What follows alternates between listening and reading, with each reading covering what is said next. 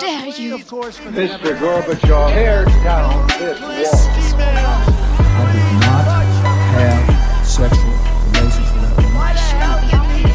Read my lips. Hell yes, we're gonna take your AR-15. It's waking I up. have a dream. Et uh, viktig tema i, uh, i internasjonal politikk, i statsvitenskap uh, i og for seg, er jo um, rule of law. Rettsstatlige prinsipper. Hvilke prinsipper er det man eh, skal, skal leve etter, eller hvordan skal stater interagere eh, med hverandre? Det kan jo være eh, kanskje at den sterkestes rett, at eh, man, eh, det er bare basert på makt, hvem som kan tvinge de andre til å gjøre det en selv vil, kanskje med våpen, atombomber og, og, eh, og masse mennesker da, som du kan ofre, slik vi kanskje ser i, med Putins invasjon av Ukraina i 2022. Eh, men, eh, men særlig kanskje etter eh, ja, Både kanskje med første verdenskrig, men særlig også kanskje etter andre verdenskrig, så har man jo har vært sterke stemmer og en, en, en trend mot å ha et mer et, et system basert på lover, regler, institusjoner, normer som binder eh, stater til, til en, en mast som handler om menneskerettigheter og, og rettsstatlige prinsipper. Altså Man kan ikke bare dure frem sånn som man vil. Eh, og for å forsøke å håndtere f.eks. alvorlige forbrytelser mellom stater og til dels i stater, så har man jo eh, organer, eh, f.eks. sånn som FN, men og også da via FN, den internasjonale domstolen som har fått mye omtale nå eh, med, med konflikten i, eh, mellom Israel og, og, og Palestina.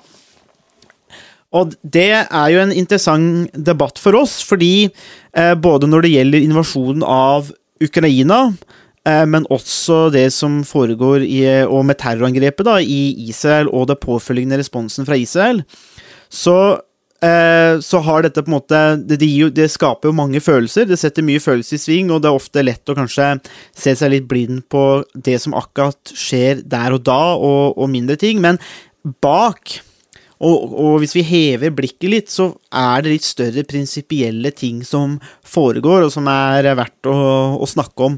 Um, det er jo særlig dette med hva slags eh, internasjonalt system eh, vil vi egentlig ha? Fordi jeg tenker jo eh, at um, eh, begge disse konfliktene, men også flere konflikter, hvis det problemet da, som reiser seg umiddelbart, er jo det at når man har forsøkt å, å å etablere organisasjoner som FN, eh, med institusjoner og, sånn, og, organer, sånn som Den internasjonale domstolen, så er man så avhengig av at man f.eks. følger det som eh, domstolen kommer fram til. Og eh, nå nylig så tok jo Sør-Afrika eh, Israel og til, til, til FN-domstolen med anklager om eh, et pågående folkemord, og domstolen konkluderte jo med eh, nesten enstemmig at det er fare for folkemord i Gaza. Det, og da har jo domstolen gått ganske langt, eh, for det er jo veldig vanskelig med folkemordsaker rent juridisk.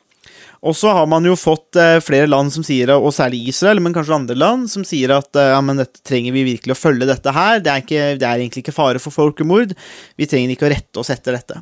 Eh, og på andre siden så står, står også stater som Russland og f.eks. ler av FN og føler at de føler ikke bundet seg av noe av det som kommer derifra. Og vi har sett lignende episoder tidligere med Kina f.eks. og eh, uigurene, eh, men også i Myanmar og andre stater. Eh, og dette er en interessant debatt, Harald, nettopp fordi i statsvitenskap Vi har jo snakka mye i denne podkasten her om viktigheten av rettsstat innad i en stat, altså rettsstatlige prinsipper innad. Eh, men, men det er jo også fryktelig viktig eh, utenfra. og hvordan, eh, Når du da forsøker å heve blikket, sånn som vi forsøker å gjøre da i, i denne podkasten, og ser på, en måte, på dagens situasjon, hva, ja, hva tenker du om disse to kanskje, er det riktig å si, motsetninger mellom på en måte rettsstatlig eller rule of law og på en måte den der mer Ja, hvor, hvor man Den sterkeste rett, da. Eh, Ja, man kan jo egentlig si at det har vært et av de store spørsmålene i internasjonal politikk, i hvert fall siden eh, minst siden 2014, eh, da Russland gikk inn i, i deler av Ukraina for første gang. Så, og det man ofte hører fra USA og mange europeiske land, er jo nettopp at konflikten i Ukraina handler om man skal ha en rettsbasert internasjonal orden eh, eller ikke. Eh, og mange europeiske land, USA, med USA i spissen, de argumenterer jo for at krigen i Ukraina er på en måte der, det er det, det er, viser tydelig uh, hva som står på spill. Um, og um, um, mange europeiske land og USA vil jo argumentere for betydningen og hvor viktig det er med en rettsbasert internasjonal politisk, uh, politisk orden. Uh, og det er det jo for, for, et land som Norge også være lett å være enig i. Og, men det som man kanskje får litt inntrykk av, eh, spesielt når det gjelder USA, kanskje, er jo at det er en rettsbasert orden på amerikanske premisser eh, i eh, stor grad, eller i hvert fall til en viss grad. Um, og det kan jo gjøre ting litt mer komplisert, fordi én ting er jo å si at internasjonal politikk og en internasjonal politisk orden skal være basert på rettsprinsipper. Uh, men spørsmålet er jo også hvem er det som skal avgjøre eh, hvilke prinsipper som skal være bindende eh, for, hvert enkelt, eh, for hvert enkelt land og hver enkelt stat. Og Det er kanskje noe av det som gjør spesielt den eh, rettssaken om, om, folkemord i Haag både interessant og litt spesiell, fordi at nå har man jo egentlig, nå har dommerne bestemt at de skal behandle Eh, saken i første omgang. Mm. Og det betyr jo at man får en juridisk vurdering av spørsmålet om det pågår et folkemord eller ikke i, i, Gaza. Um, og det vil jo kunne potensielt sett legge en del føringer på alle involverte parter i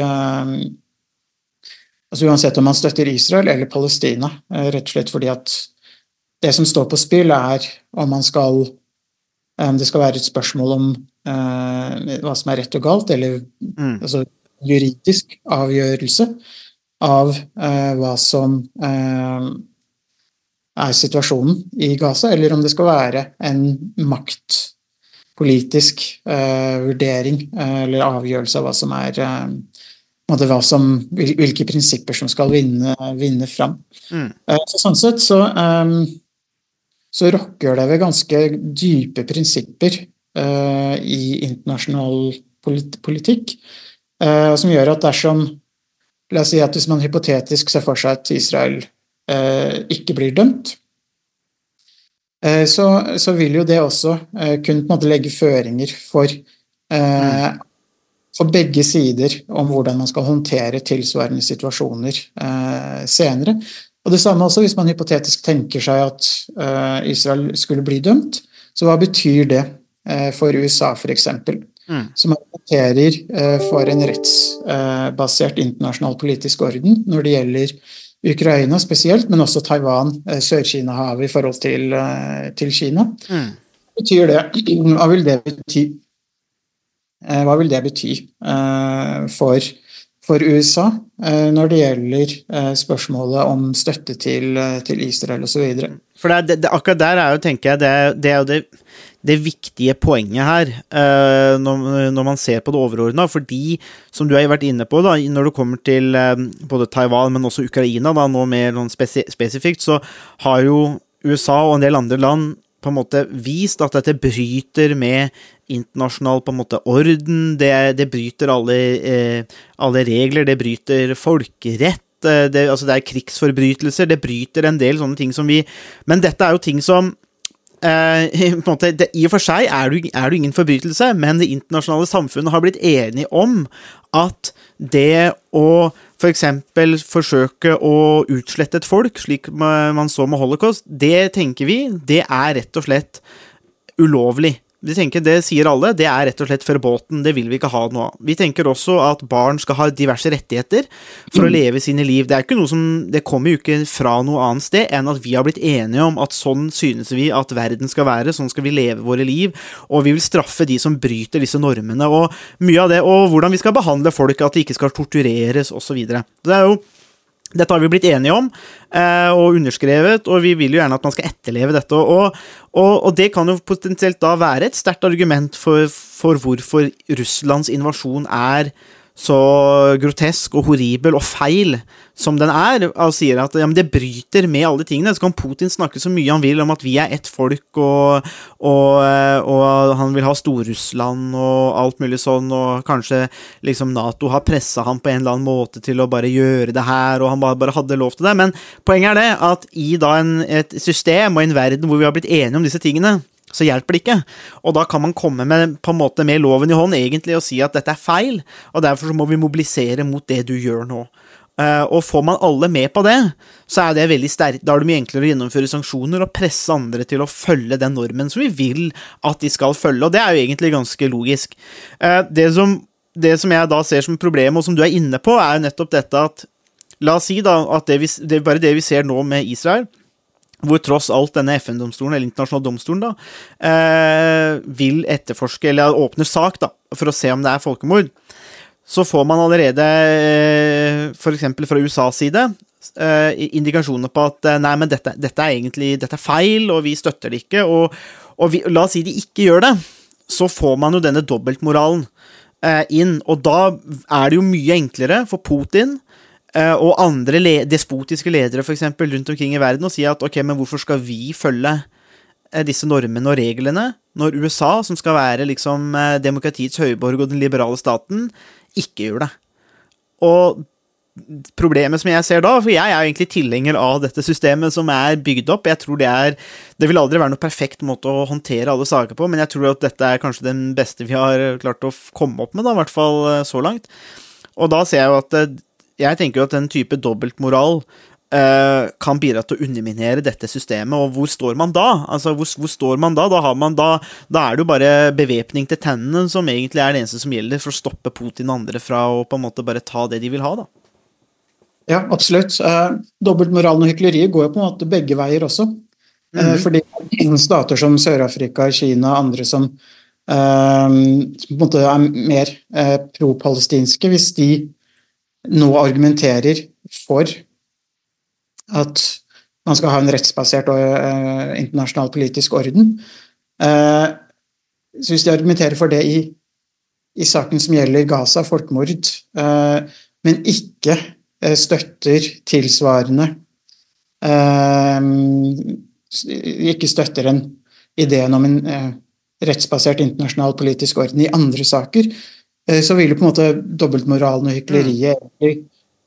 være fullendt på begge mm. eh, sider. Og da vil, jo på en måte, man vil man jo få en, en total, et totalt sammenbrudd eh, av det man kan kalle en, eh, en rettsbasert internasjonal eh, orden, hvor, hvor ideen om en rettsbasert internasjonal orden er egentlig bare en måte å forkle eh, maktpolitikk eh, på.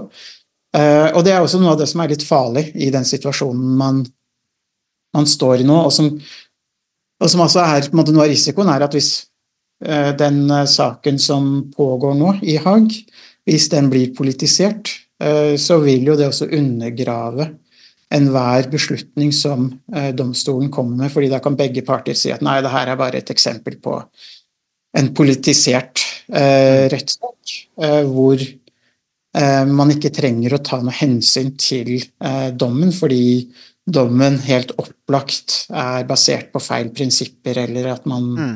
kritiserer eh, et spørsmål. Så det er på en måte også et spørsmål med om Altså er det, er det et juridisk spørsmål, eller er det et politisk spørsmål? Mm. Ja, ja. Det er jo Og det er, og det er jo sånn liksom å gjøre det er jo litt frustrerende også å gjøre spørsmål om folkemord til et mer sånn teknisk, juridisk spørsmål, hvor man, hvor man, på en måte bare summerer opp mm. nødvendige og tilstrekkelige betingelser, og så på en måte lar det liksom, Det er jo en litt sånn kald, eh, kjølig måte å avgjøre om det er eh, folkemord på, men samtidig så er det Styrken i det er jo at gjør man det på den måten, så unngår man at det blir politisert, fordi da kan ikke uansett hva domstolen kommer fram til, så kan ikke noen av sidene komme og si at her har dere måtte, tatt politiske hensyn mm. istedenfor det rent uh, juridiske. Nei, det, og det er jo, et, det er jo et godt poeng, dette med at det eh, altså, altså, noen ting tar jo tid, eh, og her har jo egentlig domstolen De jobba jo egentlig ganske raskt. eh, og det er jo, for det er jo, det er jo også et argument om at hvis man har anklager om folkemord, da, eller påstander om dette også, så, hjelper det lite å vente fem år for å så konkludere at jo, det var det. Eh, det hjelper jo, jo, veldig Det er jo flere folkegrupper som har blitt utsatt for det, og det hjelper jo veldig lite i etterkant å si at eh, jo, det var faktisk sånn dere sa. Og, og sånn sett så, så, så legger, du- legger du noen føringer. men man er jo da avhengig av at man følger de, og man har jo sett at en del land som er veldig kritiske til Israel, f.eks., ikke er så kritiske til Russland. Syns kanskje at eh, invasjonen der er liksom Jo, men det er gode grunner for det, og det er liksom Sorry, men det er egentlig ikke sånn det Det er ikke sånn det fungerer, eller bør fungere, i hvert fall. Og det er jo litt en, både en normativ påstand fra min side, i den forstand at jeg ønsker at det skal være sånn, men, men også fordi jeg tror rent og man kan si empirisk, men kanskje objektivt òg, så tror jeg kanskje at det, i den, i, i den forstand vi må jo faktisk håndtere interaksjon mellom stater, så tror jeg kanskje dette er den beste og mest fredelige måten å løse det på. Eh, og da er man uansett avhengig av at stater følger det, uansett om det er kjipt og trist og leit, og det blir jo litt som at man får en bot for å ha kjørt litt for fort og man glemte seg, eksempel, så er det litt sånn Du kan jo være uenig. Eh, Men, men, men, men sånn er det, og, og hvis man respekterer eh, politi og domstolen osv., så, videre, så så har man jo på en måte dette fundamentet på plass da, som, eh, som gir stabilitet. Og det er, det, er jo det jeg tenker er Det som er alvorlig nå, er jo det at det er jo på en måte Du har jo de Altså all den fysiske volden som foregår, men, men likevel da, så er, det, så er det viktig å bare se litt det der eh, Hva som egentlig utfordringen da, mot denne internasjonale orden og den rettsbaserte orden eh, som er nå, for er, den er under press. Eh, men den er på en måte under press, eh, som du var inne på, kanskje litt fra begge sider. ikke sant? Det er fra, fra på en måte litt dobbeltmoral, og noen kritikere vil jo kanskje si at USA eksempel alltid har brukt dette her til sin fordel, og osv. Og, og det kan jo på en måte hende men, eh, i noen saker, men men nå har det på en måte tilspissa seg enda mer, og jeg føler at nå er det kanskje enda viktigere enn noen gang da, at man eh, bestemmer seg for, eh, for hva man følger her. og Um, så slik at det er, det er under kraftig press. Uh, og Norge, da, uh, hvis vi bare går til Norge, så har Norge, Norge har jo vært veldig tydelig på at man støtter jo beslutningen fra domstolen i Haag, og man retter seg til FN. og det, Noe av det har jo også med at Norge er, tradisjonelt er en liten og ganske ubetydelig stat som er avhengig av at det internasjonale rettsorden, eller internasjonale systemet, er sånn som det er nå, fordi det gir oss veldig mye mer fleksibilitet, stabilitet og trygghet, fordi vi kan ikke Man har jo Nato, men et godt, et velfungerende eh, internasjonalt system som er basert på eh, rettsstatlige prinsipper, for å si sånn, og det vi ser nå i FN-pakten og disse avtalene, det gagner jo Norge. Eh, og, så det er jo en sikkerhetspolitisk interesse her òg, da.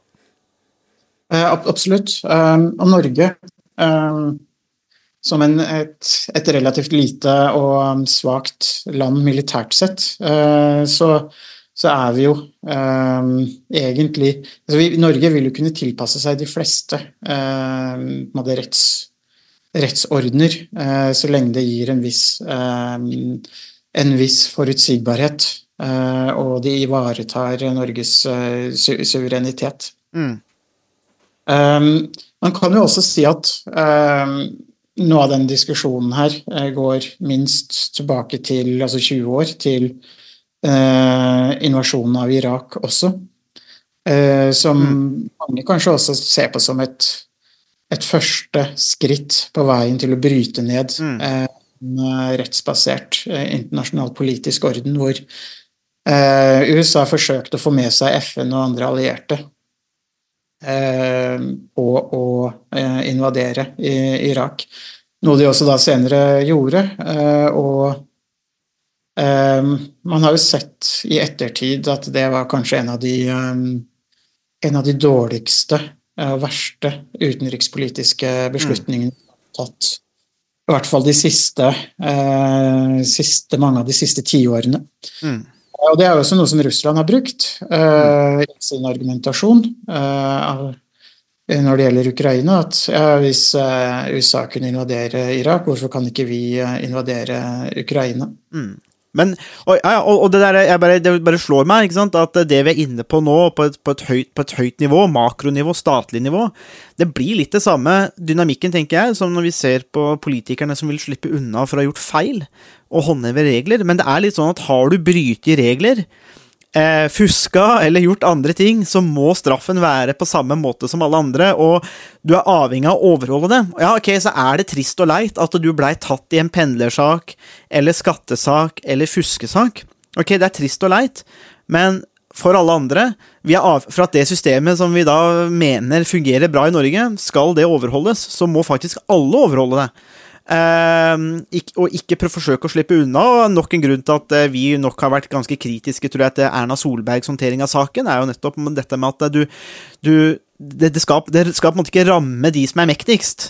Eh, liksom er liksom, er du, er du, der, så kan du slippe litt unna, men det underminner litt av systemet. og jeg tenker det, Den samme dynamikken er egentlig det vi ser på lavt skala her i Norge, og det vi ser på en måte internasjonalt. Da, at er man mektig nok, så skal man liksom på en måte slippe unna med det.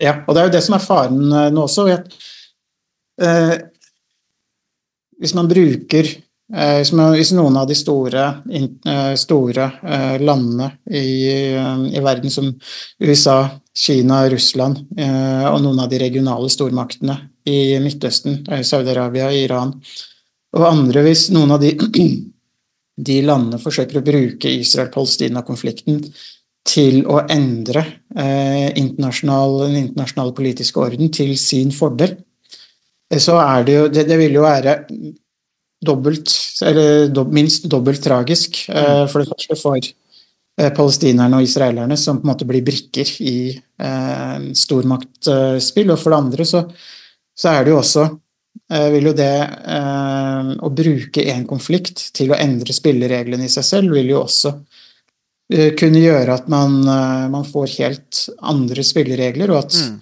uh, situasjonen istedenfor blir at man dekker over uh, maktpolitikk med et uh, slags skinn av en såkalt rettsorden. Mm. Um, og spesielt hvis man ser på Kina, afrikanske land osv., som hvis de forsøker å bruke eh, konflikten eh, på Gaza-stripen nå til å redusere f.eks. USA sin, eh, sin, makt. Så på en måte kan man si det er jo legitimt å forsøke å øke sin egen makt og redusere andre stormakter sin, sin posisjon, men for både Israel og Palestina så vil jo det være dypt eh, tragisk, og det vil jo også bety at man kan ende opp i en situasjon med mer makt til f.eks. Eh, Kina på bekostning av andre land. Mm, og at man fortsatt står med en uløst konflikt mellom Israel og Palestina. Mm. Krigen, eh, krigen er over. Mm. Og da er man jo på en måte Da har man jo egentlig skapt en situasjon hvor det er ganske mange tapere. Hvor man egentlig har nesten skapt en tap-tap-situasjon istedenfor en vinn-vinn-situasjon. også. Mm. Nei, det er, en, eh, det, det er jo på en måte Vi står jo i situasjoner egentlig med viktige veiskiller uh, i internasjonal uh, politikk, hvor man kan se for seg at ting kan bryte sammen nå. Og, uh, og det ville jo vært veldig alvorlig. men ikke for det. Det kan hende at destruktive krefter vil skape noe nytt, så kanskje man får tak i noe nytt og bedre òg. Man veit jo, jo, aldri. Men, men, faren med det her er jo det at, at vi har jo sett hvordan kanskje mangelen da, på en samordna internasjonalt system eller, eh, og koordinerte handling også gjorde nok at Putin på en måte kunne ta Krimhalvøya uten store problemer, og, og, nok på den måten har følt at uh, det å ta Ukraina var innafor rekkevidde. Uh, og så har jo ikke det vært det, og den krigen pågår jo dessverre fortsatt, og krever ekstremt mange, mange liv hele tida, og er jo en Ja, det er, altså det er jo det er, det, er jo en, det er, jo en, tragedie.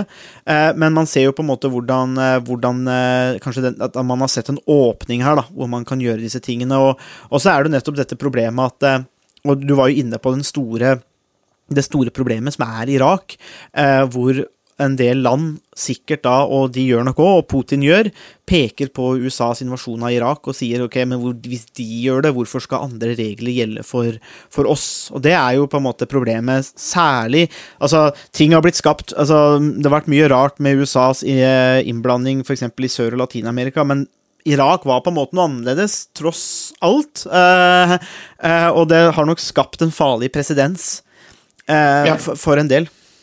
For mange, mange av de uh, tidligere anledningene hvor USA har involvert seg i, uh, i andre land sin, uh, sine indre anliggender, både i Sør- og Latin-Amerika, men også andre steder, så har det jo vært til en viss grad litt mer adhoc. man har på en måte til en viss grad respondert på en situasjon, en regional konflikt, intern konflikt eller lignende. mens Irak var jo måte, kvalitativt og kvantitativt annerledes uh, ved at man så tydelig planla uh, en invasjon uh, på forhånd. Mm. Og hadde et veldig tydelig mål om å styrte Saddam Hussein. Og det, det, å styrte Saddam Hussein i seg selv var jo ikke nødvendigvis noe negativt eller noe galt, men Eh, det, betyr, det er jo ikke det samme som at man har en legitim grunn til å gjøre det, bare fordi det er en, eh, en litt uh, gal og despotisk leder. Uh, og det fant man jo i Libya og Nord-Korea og en lang rekke med andre land også. Så det virker også litt, litt vilkårlig, fordi det var ikke opplagt hva, som, hva slags problem Saddam Hussein utgjorde. Mm for USA i forhold til en del andre eh, despotiske eh, diktaturer og ledere i andre deler av, eh, av verden heller. Mm. Så man kan jo si at eh, med invasjonen av Irak 2003 så, eh, så, hadde man på en måte spist eh, av kunnskapens tre og Det var på en måte det arvesynden mm. i internasjonal eh, politikk. Eh, da hadde man på en måte tatt en bit av, eh, av eplet. Mm. Og etter det så ble internasjonal politikk gradvis annerledes, og det er jo det vi ser konsekvensene av i både Ukraina og, og kanskje også Israel-Palestina-konflikten, som truer med å kunne bli en, en regional større regional konflikt, sånn som den utspiller seg, seg nå. Det er jo nettopp det. Det er noen tragedier her, ikke sant. Eh, ikke minst at man i dag indikerer, eller peker på Iran som den store aktøren og som kjemper for regional hegemoni og, og, som dominerer og har fingrene i mye spillet. Iran, som da var holdt i sjakk av Saddam Hussein eh, langt på vei, eh, som, man, ja, som man da fjerna, eh, og som også ga opphav til IS. Eh, og, og, disse tingene som har dominert på en måte da, på 2014 og, og, utover. Så det er jo på en måte, det er jo mislykka på veldig mange måter her. Og, men som du sier òg, da, dette er jo i ferd med å, å, blø over til en regional konflikt. Altså Vi har allerede trefninger mellom Hizbollah og Israel med, i Libanon. Houthien i Jemen eh, blokkerer jo angriper jo fraktskip. Eh, eh, og har jo også sagt ganske tydelig at det handler om Israel, altså om Gaza. Um, og vi har en økende finansiell krise i Egypt. Uh, og uh, vi har også angrep inn mot, mot Jordan og Irak. slik at det er jo, det er jo ganske mye som, som, som, skjer akkurat i denne regionen her nå. og så er jo spørsmålet, ja, kanskje litt hvordan man, hva, hva, man gjør videre her. fordi at det er jo lite tillit da, mellom aktørene her. Uh, og uh, hvordan man skal, skal, se veien videre. Hadde klart hadde, hadde vært et sterk hadde ikke, hadde ikke denne, dette systemet vært så svekka, kanskje, som du også peker på, da, fra 2003 særlig og framover, så hadde man kanskje hatt sterkere virkemidler her. Uh, og så er det jo noe som også jeg tenker også, når, du, når du nevner Irak, at uh, igjen da, så tenker jeg at uh, dette med terrorismeperspektivet er jo litt feilplassert, i den forstand at terrorisme er for meg her, for meg da i hvert fall, er mer et symptom. konflikten er, er, noe, an, er noe annet. konfliktene i Israel for eksempel, og Palestina handler jo om nasjonalstat stat. Hvem skal bo hvor, egentlig? Og dette områdene, og i, i, på samme måte som Irak aldri handla om terrorisme, fordi USA, det har vi sett, sett, i etterkant, visste jo meget vel at det ikke var noen atomvåpen, og de støtta ikke Al Qaida, og de, det visste vi jo egentlig, og det har jo kommet ut i ettertid òg, at det visste man vel egentlig på amerikansk hold òg, men så angrep man av andre hensyn. slik at det er noen likheter her, og så får vi se hva som skjer videre. Det eneste er jo Man ser nå at Biden har jo sanksjonert israelske settlere, nybyggere, på Vestbredden pga. volden, og vi fikk jo egentlig et ganske et angrep der på et sykehus med forkledde eh, israelske soldater som også bryter folkeretten. Det er jo en krigsforbrytelse, det de, det de gjorde der. Eh, som også var Som jeg satt og leste i The Economist her nå, som hadde gått gjennom og sett på definisjonene og kriteriene for er det krigsforbrytelse, og det, det var det jo. Uh, slik at det eskalerer, og, det, det, og, det, tror jeg også var en utløsende grunn til at Biden ganske kjapt etterpå kom med disse sanksjonene mot settlerne i et forsøk på å prøve å, å, å koble ting. Men, men uh, så ser man da at Netanyahu ikke vil ha noe palestinsk stat. Uh, og vi har hatt Jensehaugen her, som har snakka om at tostatsløsningen er, er, død. Ikke noe sammenligning mellom Netanyahu og Jensehaugen her, men de har på en måte fra to ulike retninger pekt på uh, hvor usannsynlig det er med palestinsk stat. Men jeg vet da søren uh, om det fins noen annen løsning enn en det.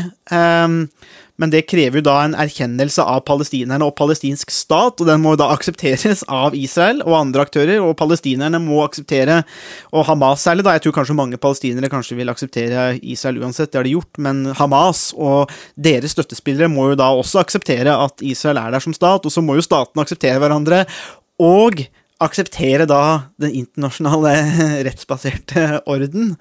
Uh, jeg veit ikke om det er noen annen vei utenom, altså, hvis det her skal stoppe.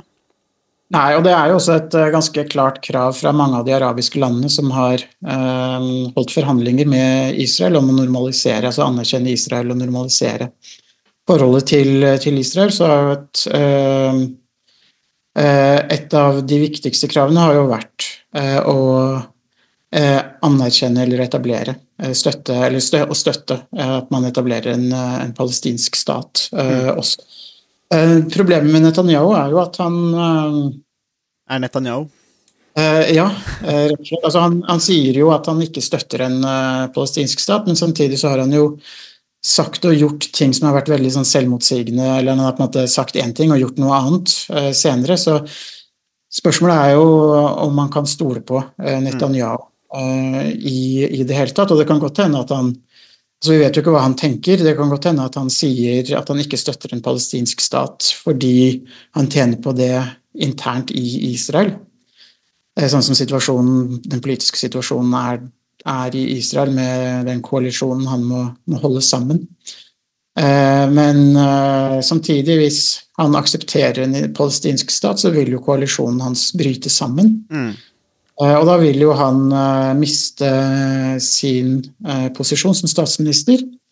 Og da vil han jo også kunne gå tilbake til tiltalebenken for mm Eh, og faktisk havne i, eh, i, fengsel, i tillegg til at han, eh, hvis han blir dømt, og i tillegg så er han jo svært upopulær i mm. Israel også om dagen, og han vil jo bli sett på som den israelske, israelske statsministeren som på en måte var, sto ansvarlig da det største terrorangrepet mot Israel ble, ble gjennomført. Mm. Uh, og det er jo noe som, uh, som han aldri uh, kommer seg unna. Så han er jo på en måte i en situasjon hvor han ikke har noen særlige alternativer, uansett hva, mm. hva han gjør. og det blir jo også spekulert, det har det blitt gjort siden, i, siden ganske tidlig i konflikten, om Netanyahu ønsker å forlenge konflikten så lenge som mulig for å redde, redde seg selv. Mm. Det er jo et ganske kynisk perspektiv, men det er jo et perspektiv som har blitt trukket fram flere, flere, sammenhenger, både, både, i Norge og internasjonalt. Og det, det, er selvfølgelig helt umulig å vite, men det, det er i hvert fall Det kan i hvert fall se ut som det er en del i Netanyahs interesse med å mm. forlenge eh, krigen.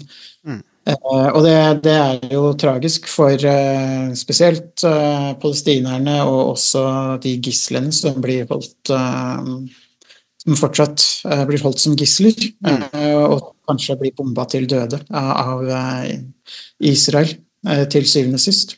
Det har vi jo også Ja, og det har vi jo dessverre sett òg eksempler på. eh, også disse israelske gislene som ble skutt av israelske styrker. eh, selv om de var nakne osv. Og, så og det er også sikkert noe som domstolen nok tok hensyn til, tror jeg, fordi det var et så klart brudd. Men eh, kynisme er jo absolutt tillatt i statsvitenskap og, og eh, sånt. eh, og eh, og, eh, og det er rett og slett fordi òg at eh, jeg tror når man studerer disse tingene her over mange år, og, man, og i hvert fall for min egen del da, som eh, terrorforsker, så er det du Når det er så mye drit og elendighet, rett og slett, så forstår man også at det er ganske mye kynisme i verden.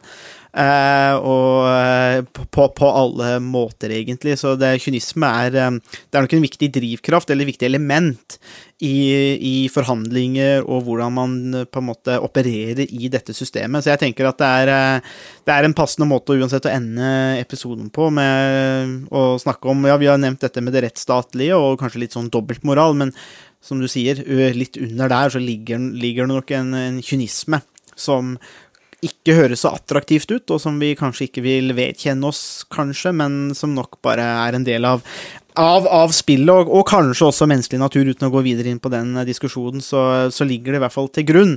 Slik at um, det er i hvert fall eh, ja, det er, det er både grunn til optimisme når det kommer til en del konflikter og systemet, men det er også viktig å bare anerkjenne f.eks. den kynismen som ligger til grunn, og som vi ser driver systemet framover.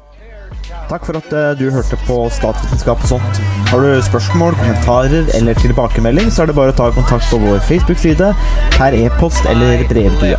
Musikken er som vanlig laget av Robin Horvath, og Mats Halvorsen mikser og redigerer podkasten. Vi høres!